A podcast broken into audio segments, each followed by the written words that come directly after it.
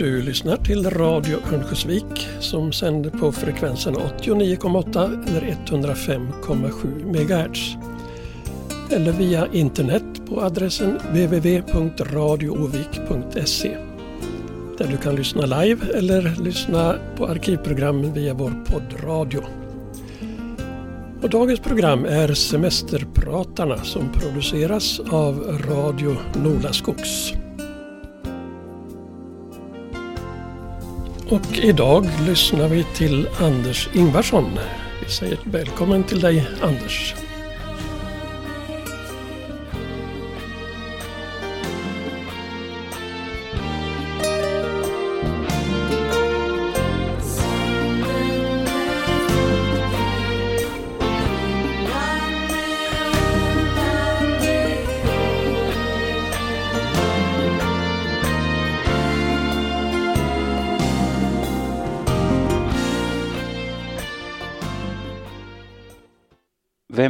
Hela fridens namn köper pannkakor färdiggräddade och vakuumförpackade för typ 5 kronor per smaklös pannkakade?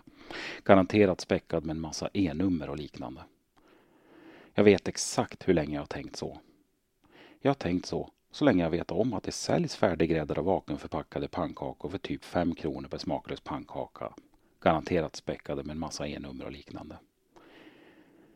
Det måste ju på något sätt vara höjden av fantasilöshet det känns bara dyrt och dåligt. Pannkakor, det är ju egentligen ganska gott. Går rätt snabbt att göra. Det är inte särskilt mättande, men framförallt billigt. Och så brukar ungarna gilla det. Särskilt med sylt. Jag har eller med glass eller sirap. Eller bara socker.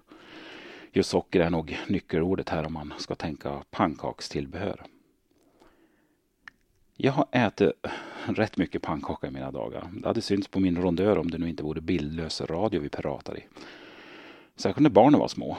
Eh, frun hon pluggade och jag jobbade skift. Det var ett enkelt sätt att hålla ner matkostnaderna. Dessutom var pannkakor lätta att förbereda. En del så stekte man dem en och en, eller så gjorde man ugnspannkaka. Det gick till och med att dryga ut med lite rivna morötter så blev den lite saftigare, nyttigare och ja, varierad helt enkelt. Gjord i förväg, bara mikra. Och dagiströtta barn, ja, de blev bukfyllda snabbt. Men egentligen så gillar jag ju mat och laga mat hitta någon kul eh, ny ingrediens, kanske på extrapris och sen försöka ko kombinera ihop det till en måltid. Söka nya recept på nätet. Från början så var man lite novis. Kollade ofta i hemkunskapsboken från högstadiet. Man fick recept av morsan. Men efter något år så växer ju tuppkammen. Man vågar ta ut svängarna. Internet flyttade in i mobilen. Nätet svämmar ju över av recept. Man blir snabbt expert genom att lyssna på andra och bara följa deras råd. Tänk en skön, mörk vinterlördags eftermiddag. Den, den tillbringar man gärna i köket. Långkok, något nytt recept. Kanske ett glas vin, hög musik, gäster och tallriksservering. Samvaro och god mat helt enkelt. Matlagning det är nog mm, ett av mina mest märkbara intressen. Just därför så minns jag också oerhört tydligt den där dagen då jag för allra första gången köpte färdiggräddade och vakuumförpackade pannkakor för typ 5 kronor per smaklös. Garanterat späckad med en massa E-nummer och liknande. Det var en februaridag. Det var inte en sån här kall, mer sörjig dag.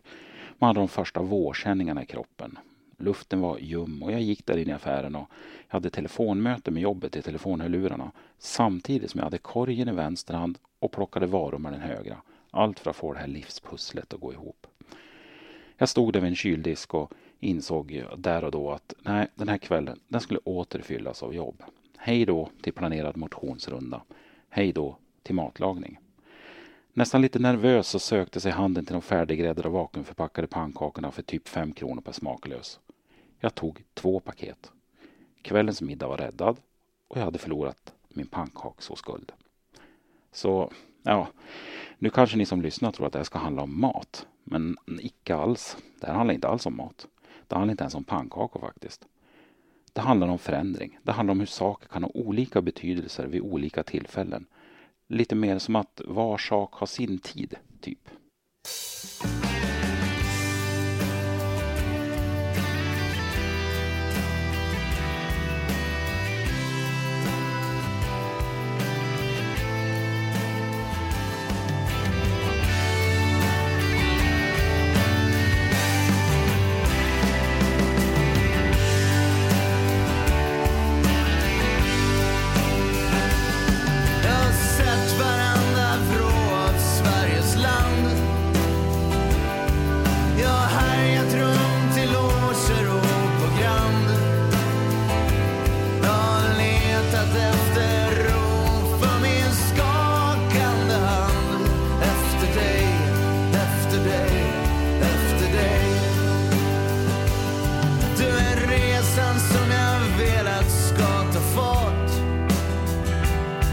Du är gåtan som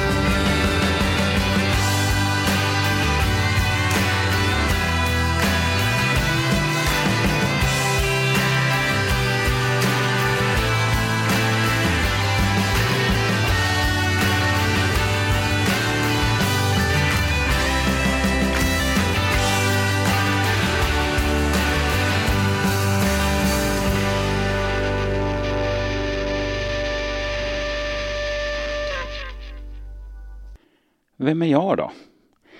Ja, jag heter Anders Ingvarsson, är 41 år och jag har jobbat som journalist i mer än halva mitt liv. Jag är född och uppvuxen i Hälsingland där jag fortfarande försöker vara några dagar varje vecka. Övrig tid så bor jag faktiskt i övernattningslägenhet eller på något hotell.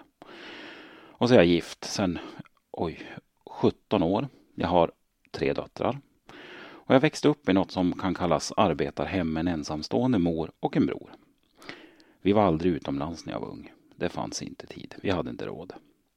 Inte för att jag inte gjorde roliga resor och sånt när jag var liten. Nej då. Jag fick ofta följa med morbröder och andra på resor till typ Åre och Gävle och någon gång till Stockholm och sådär. Men ja, någon fotbollscup och skidläger. Men jag var aldrig utomlands. Och apropå min fru. Hon hade aldrig varit i Stockholm förrän hon gick ut nian.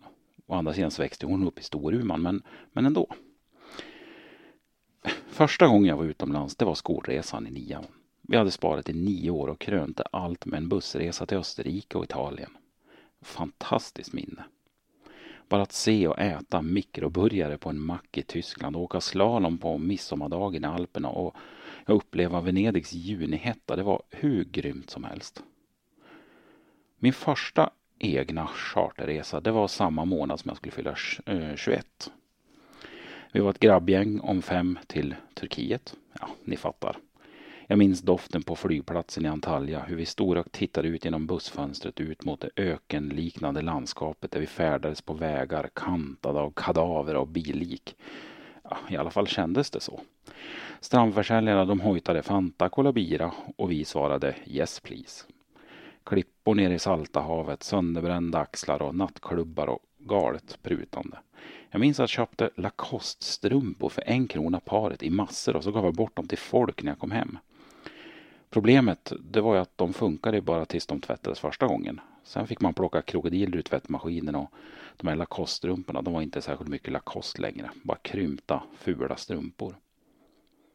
Jag minns också känslan av första restaurangbesöket i Turkiet. Man var glad och uppspelt. Billig mat, det var väldoftande kebabrätter i massor och vi åt och vi åt och vi var lika lyckliga då som olyckliga dagen efter. Turkisk matkultur skar sig rejält med våra magar kan man säga. Men allt det här, det blev ju till minnen. Minnen som vi bär med oss och är det något jag ångrar från min ungdom, alltså sen jag själv började jobba och få inkomst, så är det att jag inte la mer tid och pengar på resor. Det kompenserar jag nu. En kamrat sa till mig en gång att det bästa du kan göra med dina barn är att resa. Man knyts ihop som en familj, man får vidgade vyer, perspektiv på saker och så gemensamma minnen för livet. De senaste årens jobb har gett mig förutsättningar att kunna förverkliga det här.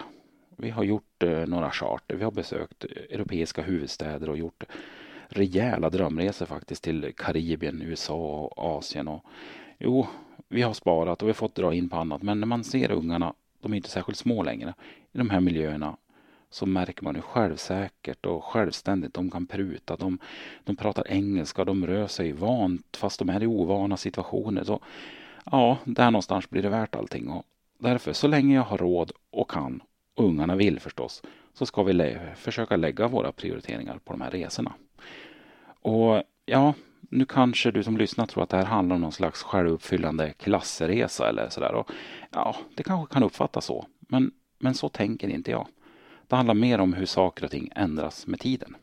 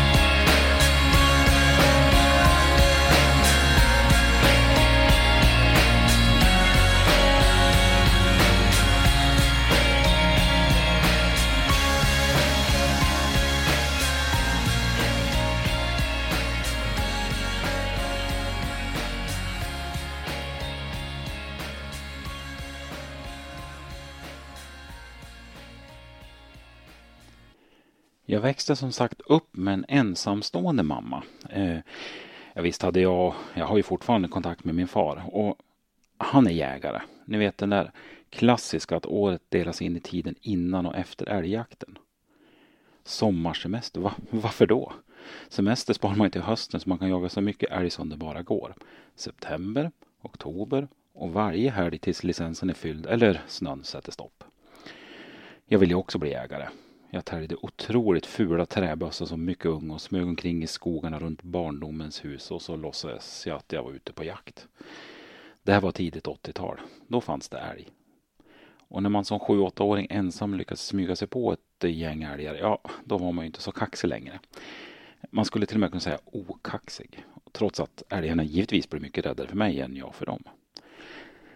Såklart tog jag jägarexamen som tonåring och idag så jagar jag rätt mycket. Inte sådär fanatiskt, jag är inte besatt men det blir nog alldeles för ofta ändå, om du frågar familjen i alla fall. Å andra sidan så uppskattas ju råvaran när man kommer hem efter en oktoberjaktsvecka. Att få tillgång till det här ekologiska köttet från hemmamarkerna det är något helt annat än massindustriellt och inköpt på affären. Det är ett privilegium. En viktig sak när man är i skogen det är förstås matsäcken och, och kaffet. Och, ja, nu tänkte jag säga snuset också, men som snusfritt år så saknar jag fortfarande sällskapet av prillan. Men kokat kaffe över öppen eld är det bästa som finns. Doften och värmen, smaken. Ibland fuskar jag och så har jag med mig trangiakök bara för att kunna koka upp kaffe utan eld. Jag brukar tänka på den här smaken när jag står vid jobbets kaffeautomat. Man trycker på en knapp och så surrar det till och så rasslar det lite grann och så fylls muggen med en kaffesmakande eh, ljummen dryck. På en jobbdag kan det bli många sådana muggar. Men, men har man en sen septembermorgon suttit på kalfjället och kokat sitt eget kaffe över gaslågorna eller, ja, eller för den delen druckit nykokt kaffe i en solig sjökant en vårdag. Ja, då är automatkaffet det, det är ingenting. Det är faktiskt de där stunderna som jag nyss räknade upp som, som man lever för. Någon har ju sagt att eh, lycka det är små korta stunder i livet då man, då man stannar upp och så andas man in och så sluter man ögonen och, och bara är. Det handlar ju förstås om några sekunder bara men de där sekunderna de är viktiga för helheten. Och där kommer på något sätt nykokt kaffe in. Elden, uppkoket, doften. Låt sumpen sjunka. Första försiktiga sippen ur träkåsan och så andas man in och så njut. Ja, nu kanske du som lyssnar tror att det här ska handla om kaffe, om lycka eller om jakt, men nej, inte alls. Det handlar mer om att allt har olika sammanhang.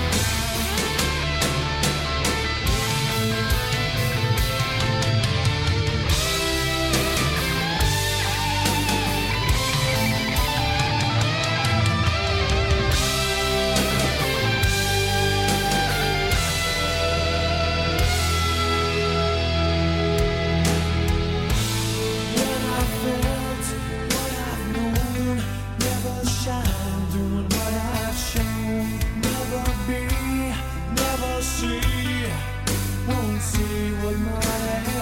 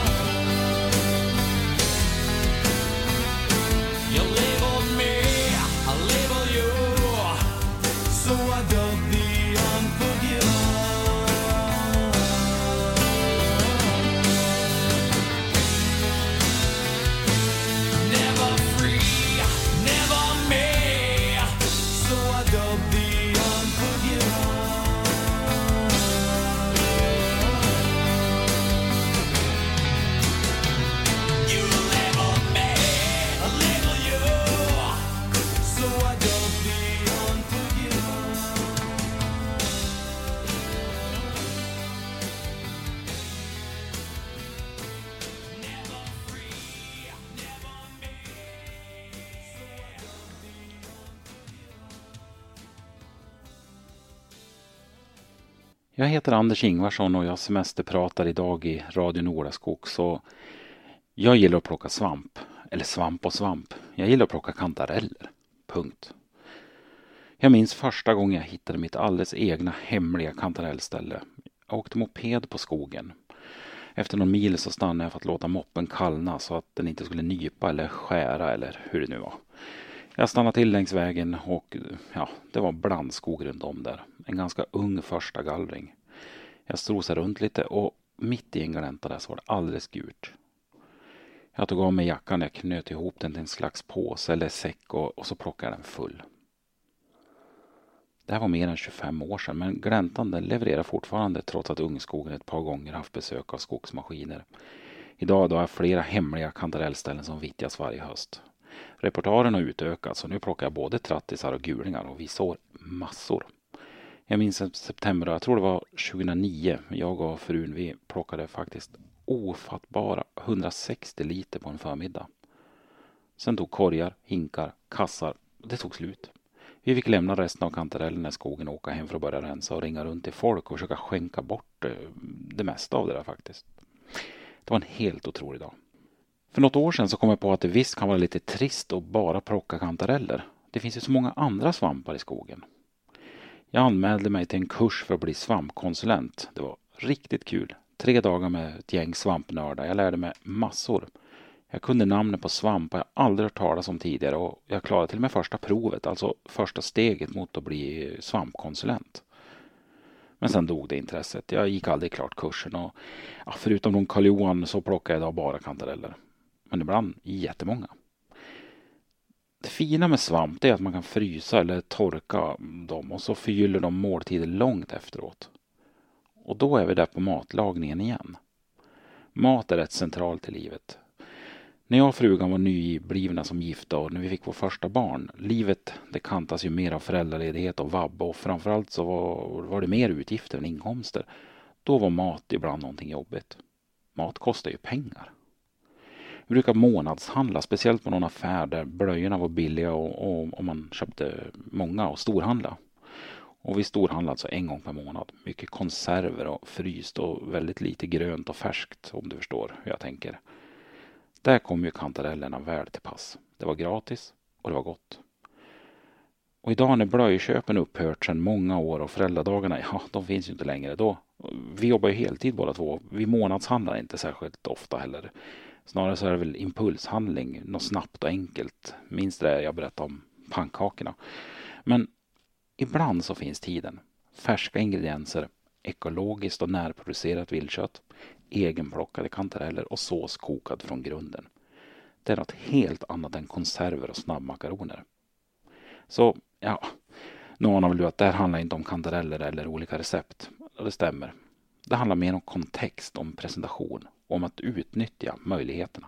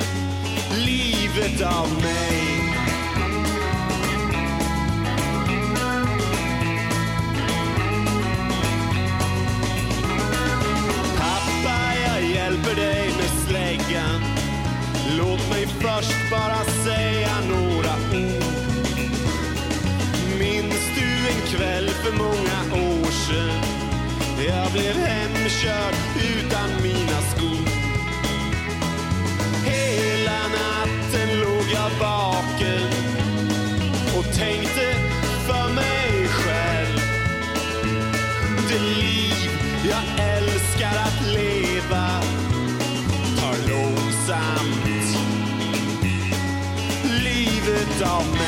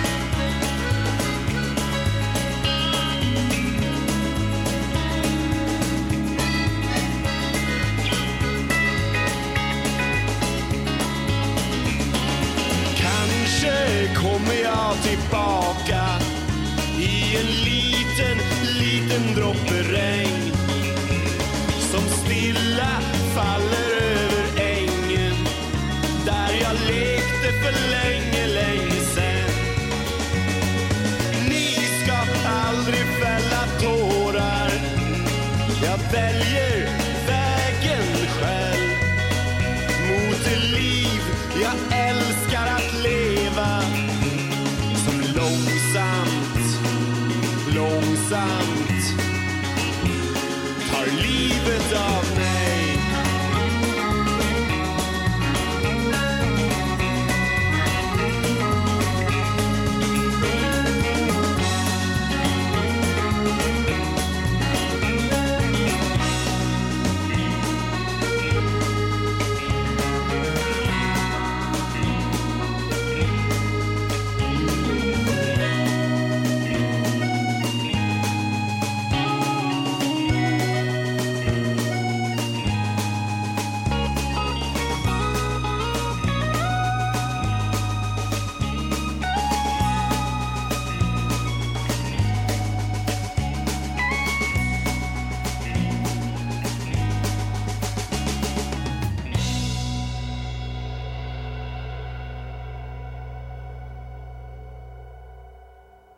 Kanske var det en rejäl släng av sen 30-årskris. Eller så var det ett moment av självinsikt. Men det fick i alla fall mig att göra en stor förändring i livet.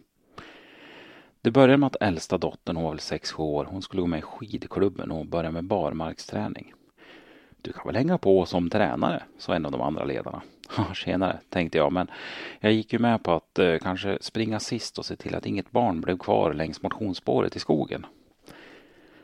Kvällen innan första träningen så slog ju tanken mig. Tar jag mig runt de här tre kilometrarna? Jag drog på mig några skor, jag åkte till motionsspåret och så började jag på att springa.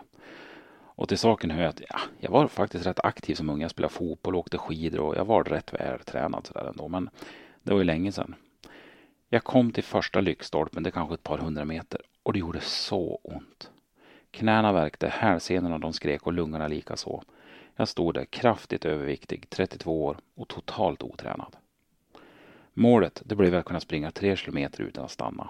Jag sprang varannan kväll. Det tog två månader, sen stapplade jag mig runt slingan utan att stanna.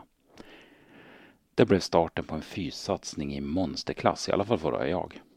Första målet var att springa en mil under en timme. Och den som nu har sett mig i helfigur, de vet ju att jag har inte någon löparkropp direkt. I alla fall inte någon långdistanskropp.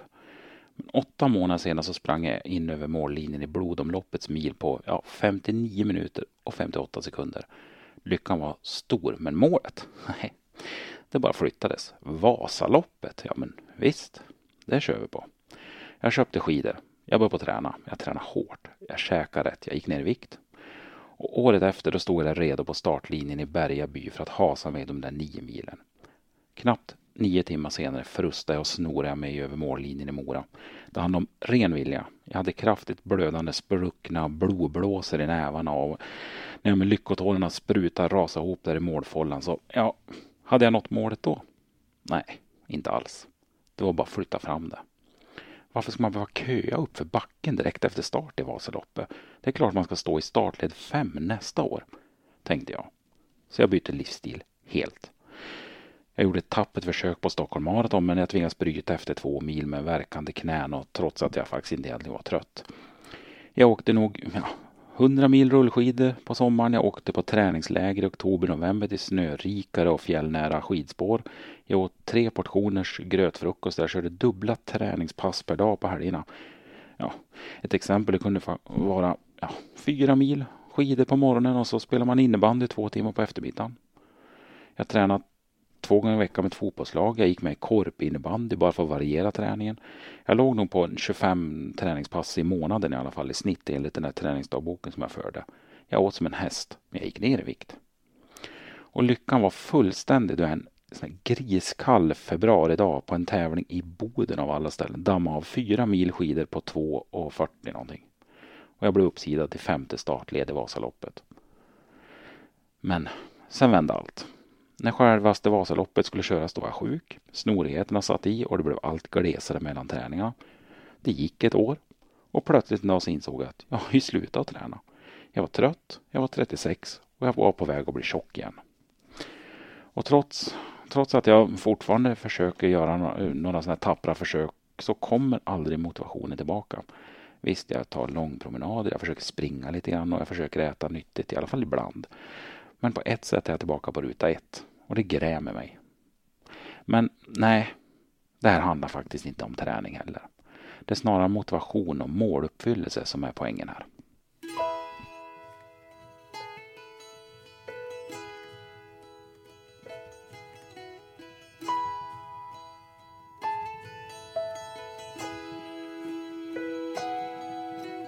Växte upp vid foten av ett berg. Jag älskade att klättra och nästan varje kväll smög jag upp och såg mörkret svepa in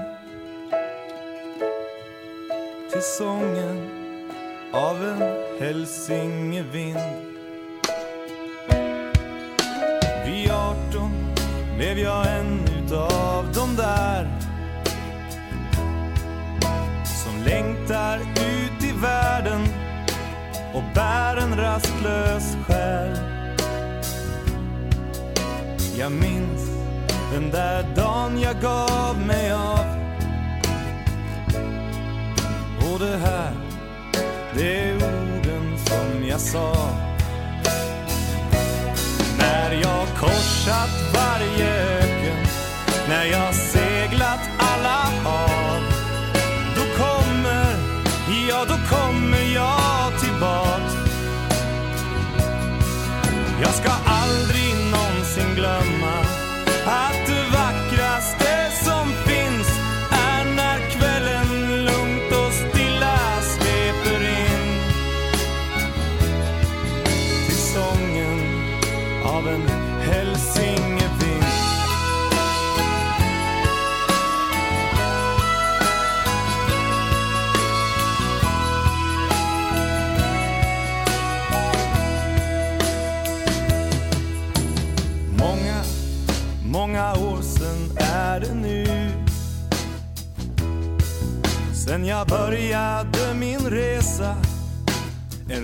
resa utan slut. Jag är vilse i en värld som är så stor. Och känner mig som en pilgrim utan tro. Men när jag korsar världen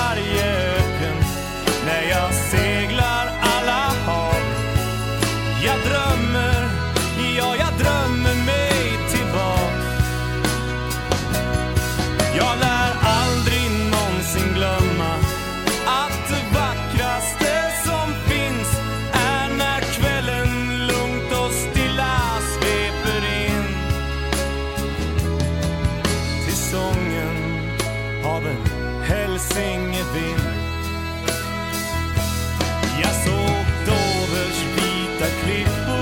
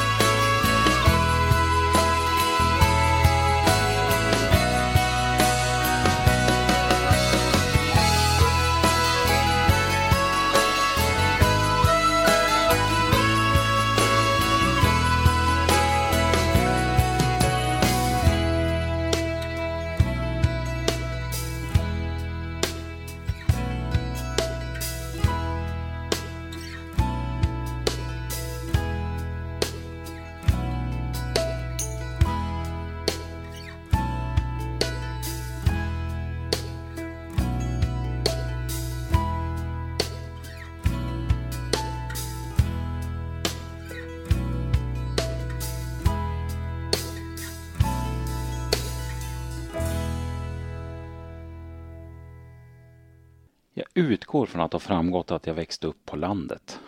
Det var glest mellan husen och inga jämnåriga fanns inom de närmsta kilometrarna.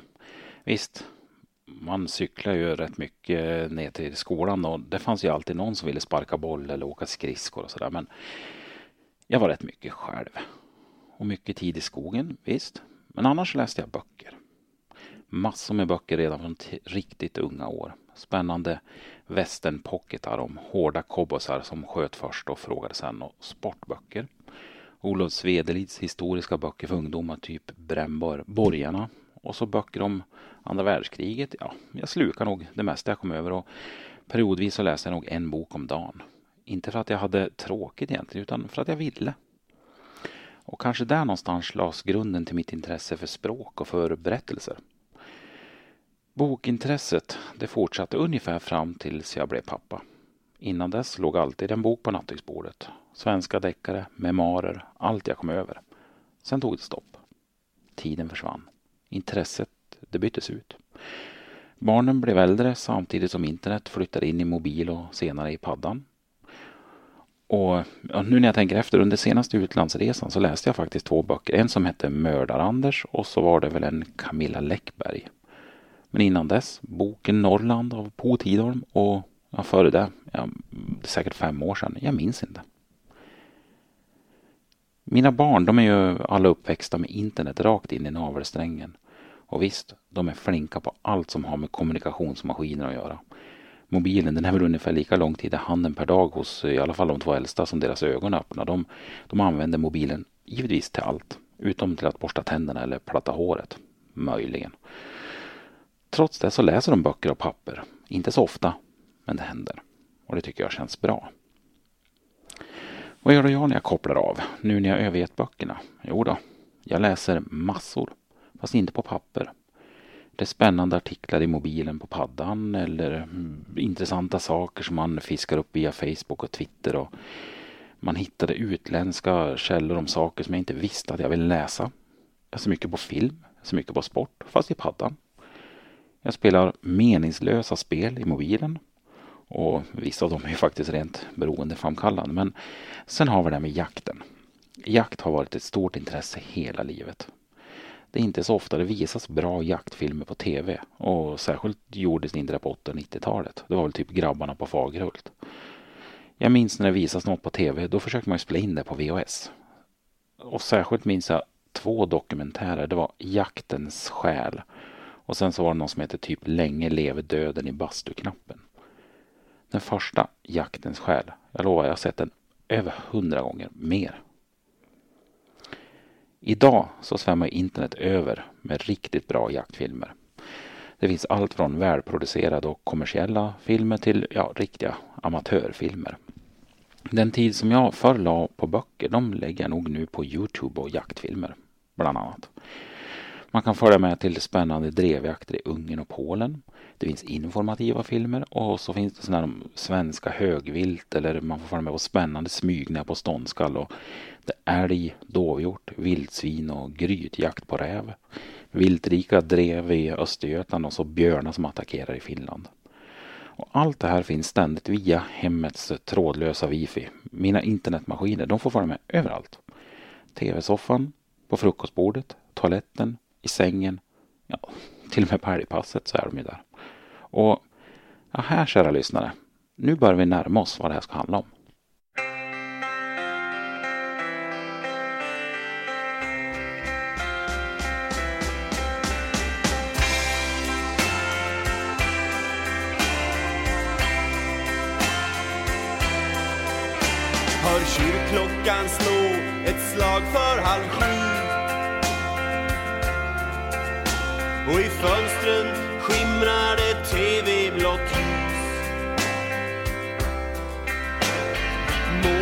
pastor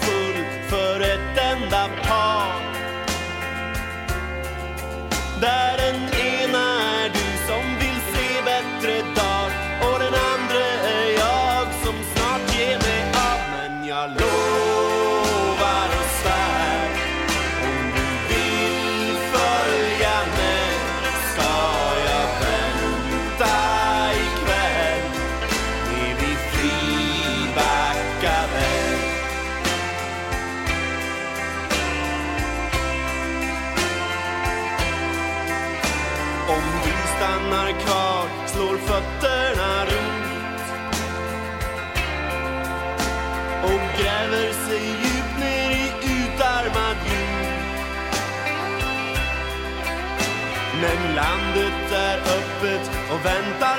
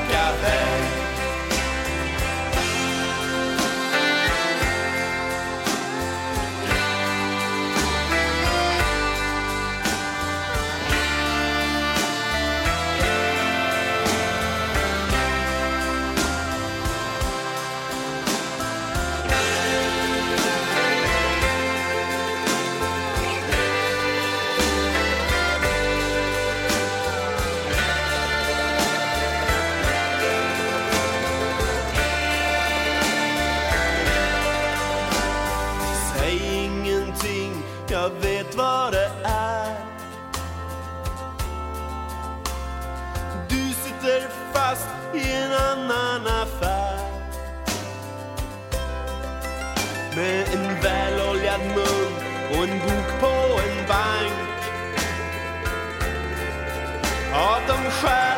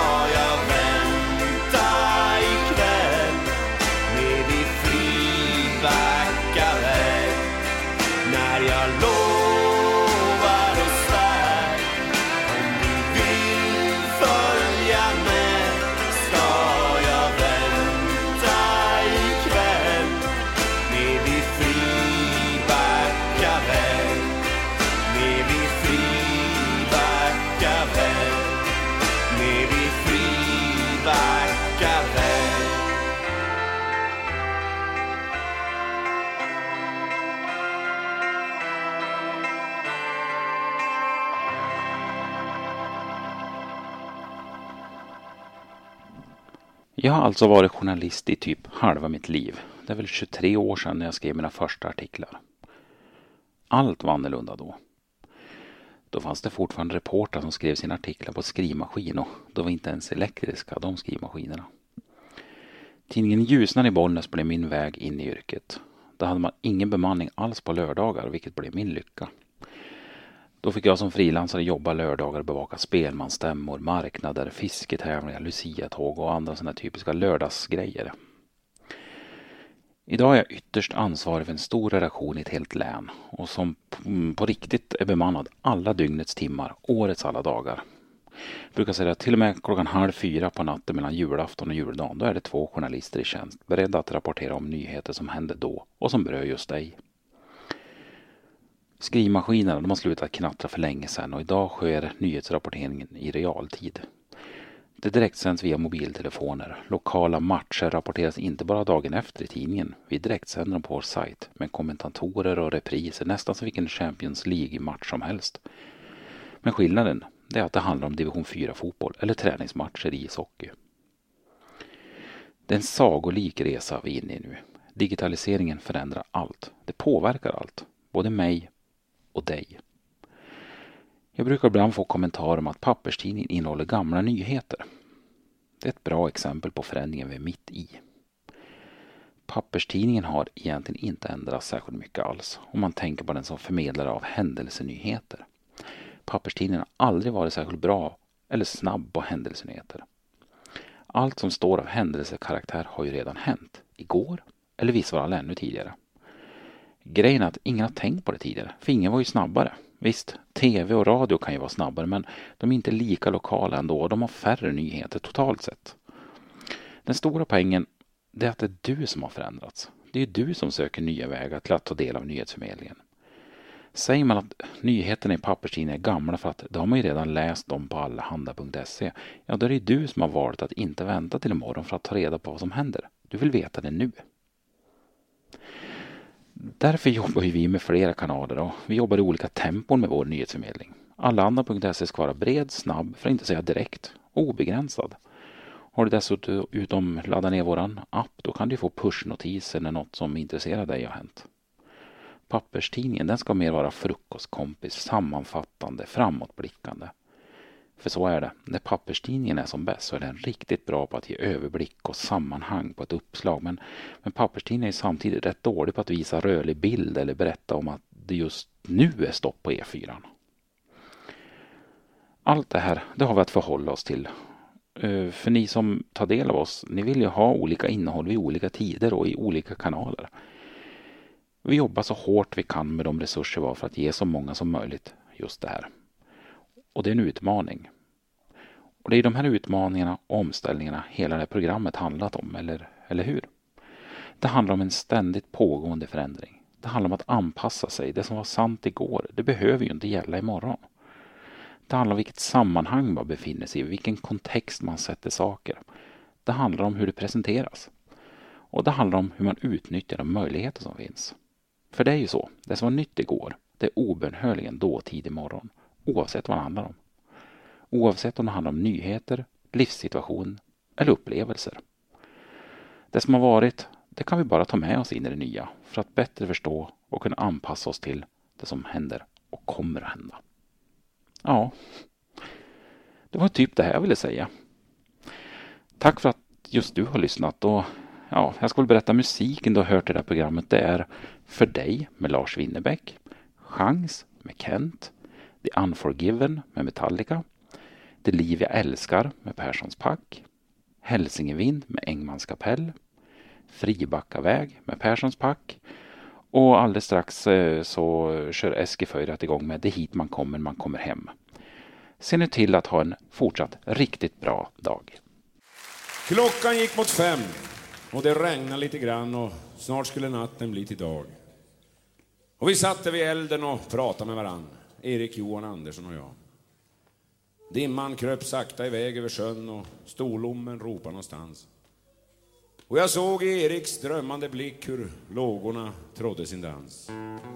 Ändå, Så sa han. fast vi har det bra och trivs ganska fint där vi bor. Ja, ändå ska du veta så ångrar jag och förbannar att man var så dum och for. Men man hade ju ingenting att välja på och man tänkte bara stanna några år. Men du vet hur det blir, ja sen blir det inte av och det blir svårare för varje år som går. Men det är här man känner vart stigarna går och man vet vem som är släkt med vem. Det är här man vet var gäddorna står. Ja, det är hit man kommer när man kommer hem. Du vet, ja det är hit man kommer när man kommer hem. Och då när vi for var ju ungarna små. Ja, Kristoffer, han skulle fylla tre. Och Kajsa, hon hade inte ens börjat gå den hösten när vi flyttade dit ner. Men nu har de ju hunnit växa så pass att de hunnit rota sig där. Så nu får man tvinga dem med sig varje år. Ja, du vet vilket helvete det är. För det är här man känner vart stigarna går och man vet vem som är släkt med vem. Det är här man vet var gäddorna står. Ja, det är hit man kommer när man kommer hem. Du vet, ja det är hit man kommer när man kommer hem. Och man tycker det var nyss som man gick här och var härs i virke när farsgubben slog. Men vem vet hur ofta det blir att man far hit upp nu sen även morsan dog. Men hur det än blir så ska gudarna veta att det finns inga bojor eller band som kan hindra mina tankar att färdas norrut på våren som en flygande and. För det är här man känner vart stigarna går och man vet vem som är släkt med vem. Det är här man vet var gäddorna står. Ja, det är hit man kommer när man kommer hem. Du vet, ja det är hit man kommer när man kommer hem. Och kärveden spraka och knastra och brann. Och det doftade av kaffe, skog och rök. Och vi satt där vid elden och teg med varann. Och någonstans i öster volen gök. Det gick en stilla krusning över sjön och natten hade åter blivit dag. Och det var den första dagen i resten av våra liv. Och det var Erik Johan Andersson och jag. Det är här man känner vart stigarna går och man vet vem som är släkt med vem.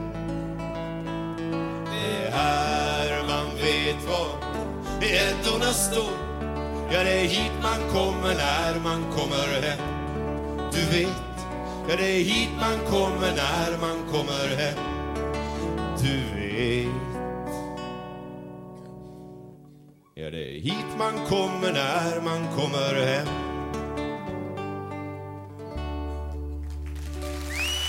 Tack ska ni ha. Tack ska ni ha.